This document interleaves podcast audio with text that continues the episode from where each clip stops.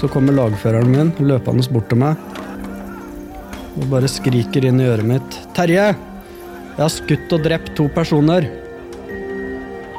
Ja, det er mottatt, sier jeg. Våre historier, en podkastserie fra Forsvaret.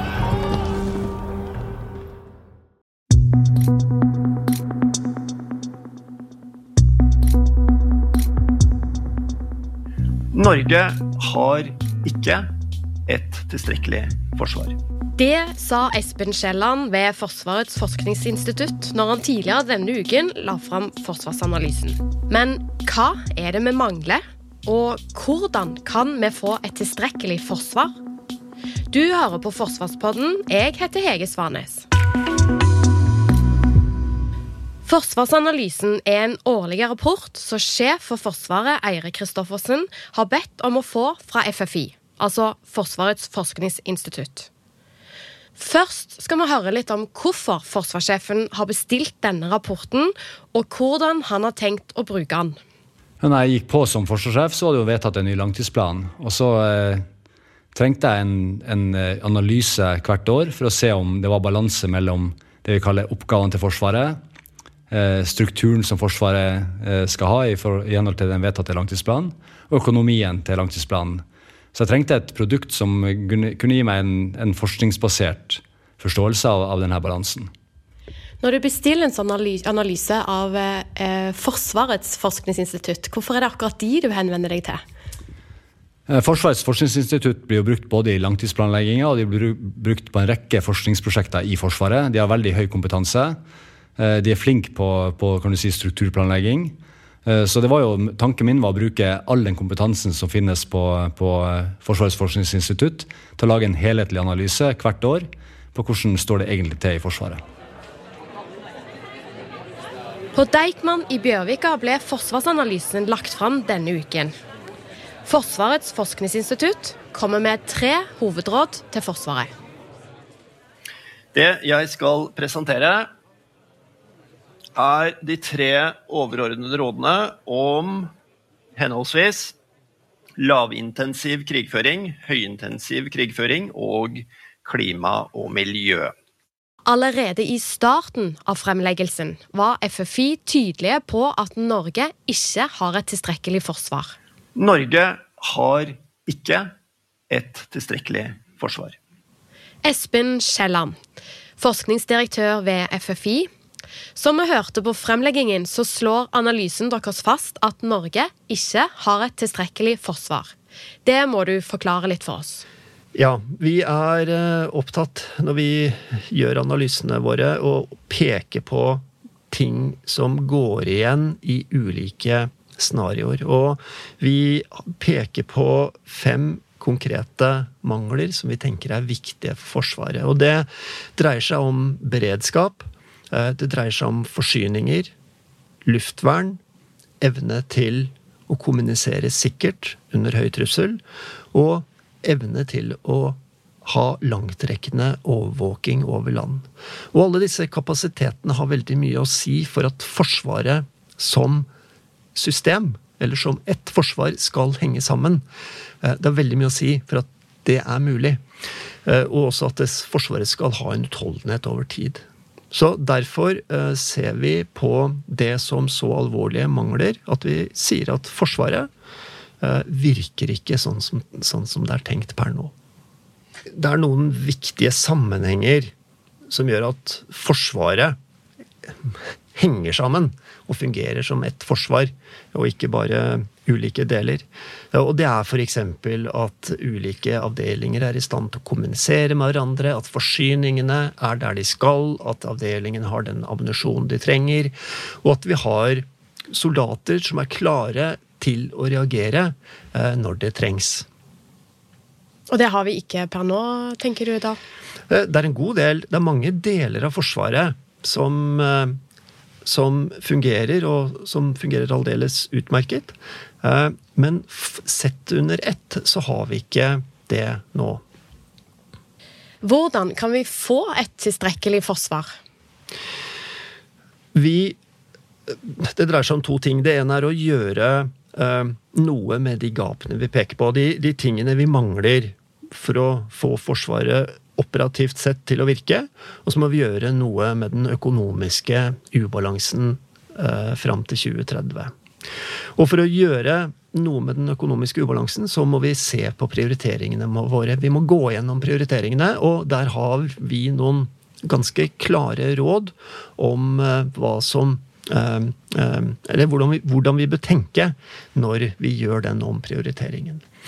Og så er det jo da en politisk avveining av hvor mye sikkerhet som er nok. Fordi litt av paradokset er jo at alle er enige om at Norges sikkerhet er styrka ved at Sverige og Finland nå er i ferd med å komme inn i Nato. Samtidig så er det jo også en veldig bred vilje til å løfte forsvarsbudsjettene. Så det er noe med den uh, balansen at hvor mye sikkerhet ønsker uh, Norge at vi skal ha, kontra alle de andre gode samfunnsformålene som vi kan bruke pengene på. Jeg vil komme litt inn på liksom, de konkrete anbefalingene og rådene. så dere kommer Først tre overordna råd, og så er det jo anbefalinger knytta til disse rådene. Eh, hva må vi gjøre for at vi skal omstille Forsvaret sånn at det virker bedre? Eh, hvis du skal svare ut ifra det dere konkluderer med, i, eller kommer med i forsvarsanalysen.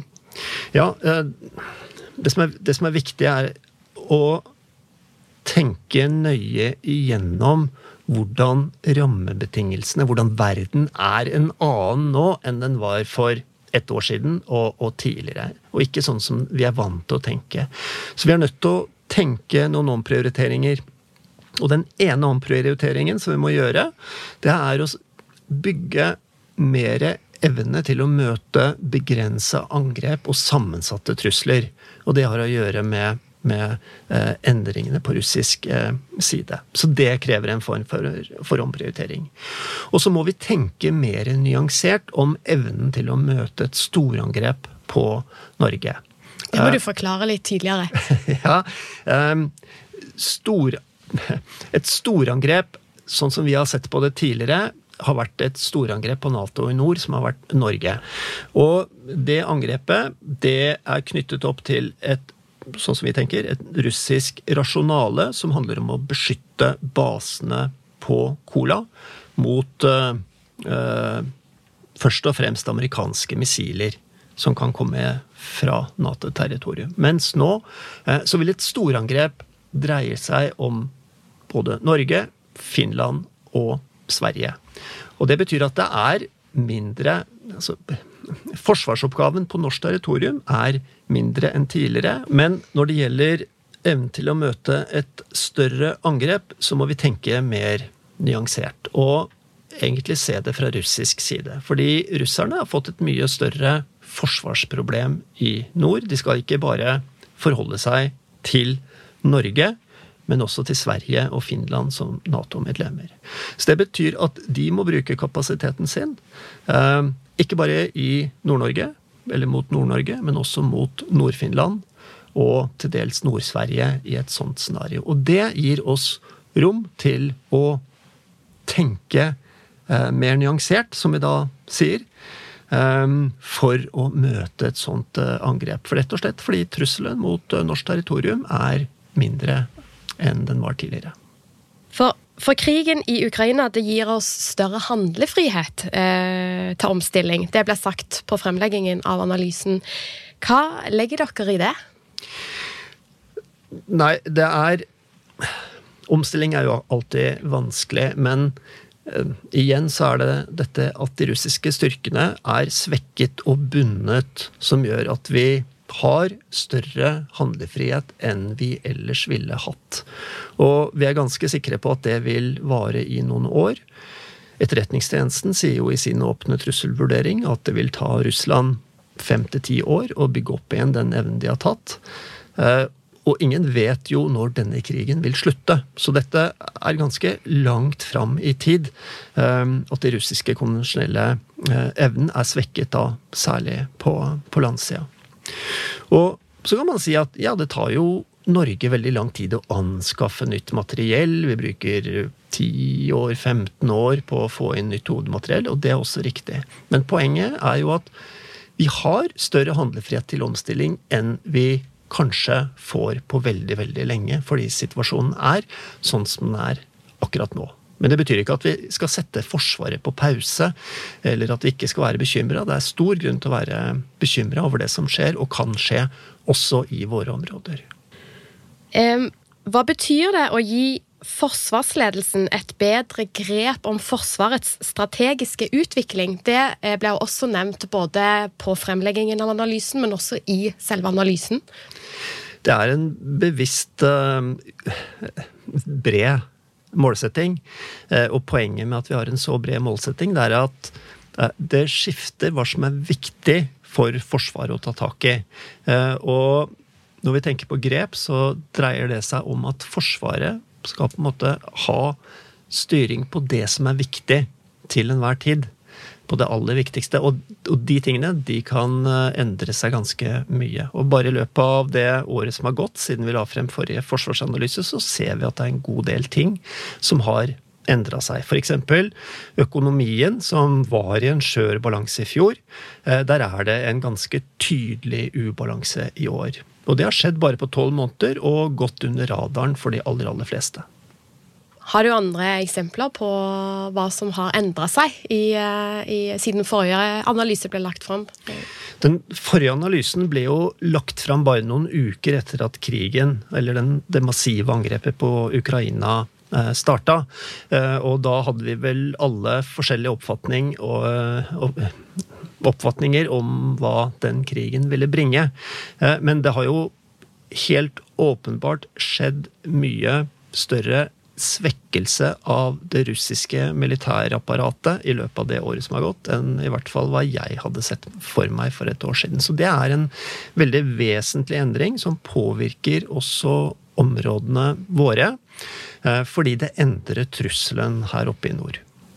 Ble det en annen type analyse eh, og et annet innhold enn det du så for deg at uh, den ville komme til å bli, etter hvert som krigen utspilte seg og, og Russlands eh, rolle i den ble synlig, da?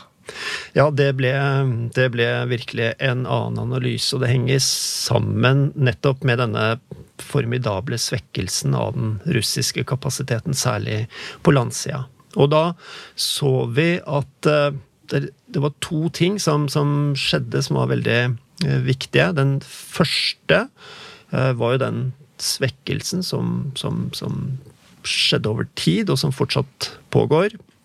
Eh, og som gjorde at Russland er nødt til eh, å bruke andre deler av maktapparatet sitt, altså i form av mer begrensede angrep og sammensatte trusler, hvis de skal utøve Eh, legge press på norske myndigheter og Norge i de nærmeste årene. Et av rådene går jo eh, på at Forsvaret bør rette større oppmerksomhet mot evnen til å møte begrensa angrep og sammensatte trusler. Hva mener dere med det? Vi mener at sett med russiske øyne så er muligheten til å utøve press på norske myndigheter eller å ramme Norge og Vesten på andre måter. Det ligger ikke i å bruke de konvensjonelle militære styrkene, sånn som vi har tenkt tidligere. Eh, og egentlig så er det bare kreativiteten som setter grenser for hvordan man kan bruke andre maktmidler enn de tradisjonelle for å tvinge norske myndigheter til å gjøre noe de ellers ikke ville ha gjort, eller å ramme eh, Vesten Eh, på måter som betyr mye. Som virkelig merkes eh, for Vesten. Eksempelvis Angrep mot petroleumsinstallasjoner er kanskje det mest aktuelle eksempelet. Men, men, du nevnte på fremleggingen at eh, Russland på en eller annen måte pga. svekkelsen av landstyrkene sine føler seg berettiga til Eh, å, eh, kunne angripe på annet vis på andre måter. Hva mente du med det? Uh, nei, jeg tror ikke det, Om det er berettiget, vet jeg ikke, men de er på en måte tvunget til det. De har ikke muligheten til å bruke De har ikke styrker til å utøve press på den måten som vi så for oss fram til 24.2 i fjor. De styrkene er ikke der. Uh, og de kommer ikke til å være der heller på et uh, antall år eh, framover. Så de må finne ut andre måter å utøve det presset, hvis de ønsker å, å, å, å eh, oppnå noe. Og da må de enten gå se mot eh, atomvåpnene sine, altså oppover egentlig i eskaleringskjeden, eller så må de da se på bruk av begrensa militære aksjoner eller sammensatte eh, virkemidler som ikke nødvendigvis inkluderer militære styrker i det hele tatt. Og de kan, og, og grunnen til at vi mener at det er riktig å prioritere evnen til å møte det, er for det første at sannsynligheten øker for at det er det vi vil møte uh, i en konflikt. Uh, og for det andre fordi vi ikke har tenkt godt nok igjennom det tidligere. Vi har egentlig ikke tatt det på alvor fordi vi har fokusert for mye uh, på den smale delen av trusselspekteret, altså storangrepene, og faren, eller storangrepene, har endra seg vesentlig eh, i løpet av eh, det siste året. Dere nevnte offensive cyberoperasjoner i fred, krise og krig. Eh, hva betyr det? Vi ser at hvis cyberoperasjoner kan bli brukt mot oss, så bør norske myndigheter også ha muligheten til å bruke cyberoperasjoner mot de som bruker cyberoperasjoner mot oss. Og det er en, kanskje en litt unorsk måte å tenke på, men ut fra avskrekkingsteorien og krisehåndteringsteorien, eh, så er det en helt logisk konsekvens. Vi bør ha muligheten til å kunne svare med samme mynt. Og så får norske myndigheter vurdere om de vil bruke den muligheten eller ikke i en konkret tilfelle. Men bare det å vite, eller bare det at russerne vet at vi kan gjøre det, det er det som er en del av dette eh, avskrekkingsbildet? Nettopp, og det blir akkurat som å ha konvensjonelle styrker som virker. Eh, hvis Russland eller andre vet at det eh, norske forsvaret virker, så har det å si, noe å si for uh, hvordan de vurderer utsiktene ved å igangsette en operasjon mot Norge. Forsvarssjef Eirik Kristoffersen er fornøyd med rådene han har fått fra FFI. Jeg syns eh, de rådene vi får fra FFI eh, er generelt veldig gode, og egentlig ting vi må ta inn over oss eh, fullt ut. I tillegg så skal vi ha et forsvar som ikke bare skal løse kan du si, høyintensitet krig. Vi må også ha et forsvar som kan støtte samfunnet i alle situasjoner vi kan stå overfor fremover. Vi har jo sett også tidligere at, eh, at statssikkerhet og samfunnssikkerhet henger mye mer sammen i det trusselbildet vi står overfor. Og Da må Forsvaret være i stand både til å drive eh, kan du si, høyintensitet som vi snakker om, om eh, i Nato-sammenheng, men også nasjonalt å kunne støtte andre sektorer med, med våre kapasiteter, sånn som vi f.eks. har sett rundt, rundt sikring av, av, olje og gass og energi til, til Europa. Nå er det jo et litt sånn eh, bekymringsfullt bilde eh, forsvarsanalysen tegner opp. Eh, hva tenker du om det? Syns du det stemmer overens med din oppfatning av situasjonen nå? Jeg vil si at med Russland sitt angrep på Ukraina 24.2, så forsterka de den krigen de starta i 2014. De viser vilje og, og, evne til å bruke en makt som, som vi ikke har sett maken til i Europa på, på veldig, veldig lenge. Uh, og det gjør at vi lever i en tid der, der som jeg vil si preges av både usikkerhet og uforutsigbarhet. Og det må vi også ta høyde for i, i hvordan vi utvikler forsvaret vårt. Og så skal vi utvikle forsvaret vårt i tett koordinert med, med, allierte i Nato, men også med, med våre naboland Sverige og Finland, som nå har søkt Nato-medlemskap. Så det svenske og finske Nato-medlemskapet åpner også opp for nye muligheter til å tenke helhetlig rundt, rundt forsvaret i våre nærområder, som som kommer til å endre vår eh, innretning og tanke rundt, rundt Forsvaret i Norden. Hvordan har du tenkt å bruke denne analysen og de rådene som han kommer med, videre i arbeidet neste tiden? Jeg kommer til å bruke denne analysen som, eh, som eh, et av innspillene til det fagmilitære rådet. 31. mai skal jeg legge frem et fagmilitært råd. Helhetlig råd. Ikke bare basert på analysen her, også, her men også de analysene vi har gjort internt eh, på hvordan Forsvaret bør utvikles videre eh, i den verden som er prega av, av, både stormaktsrivalisering og mer usikkerhet og mer uforutsigbarhet. Så, så summen av alt der blir, blir summert opp i, i et fagmilitært råd 31. mai i år. Du har hørt på Forsvarspodden. Likte du det du hørte? Tips andre om podden vår. Vi kommer med en ny episode hver fredag. De som lager Forsvarspodden, er Thomas Haraldsen, Fredrik Tandberg, Jørgen Lyngvær, Lars Hallingstorp og meg, Hege Svanes.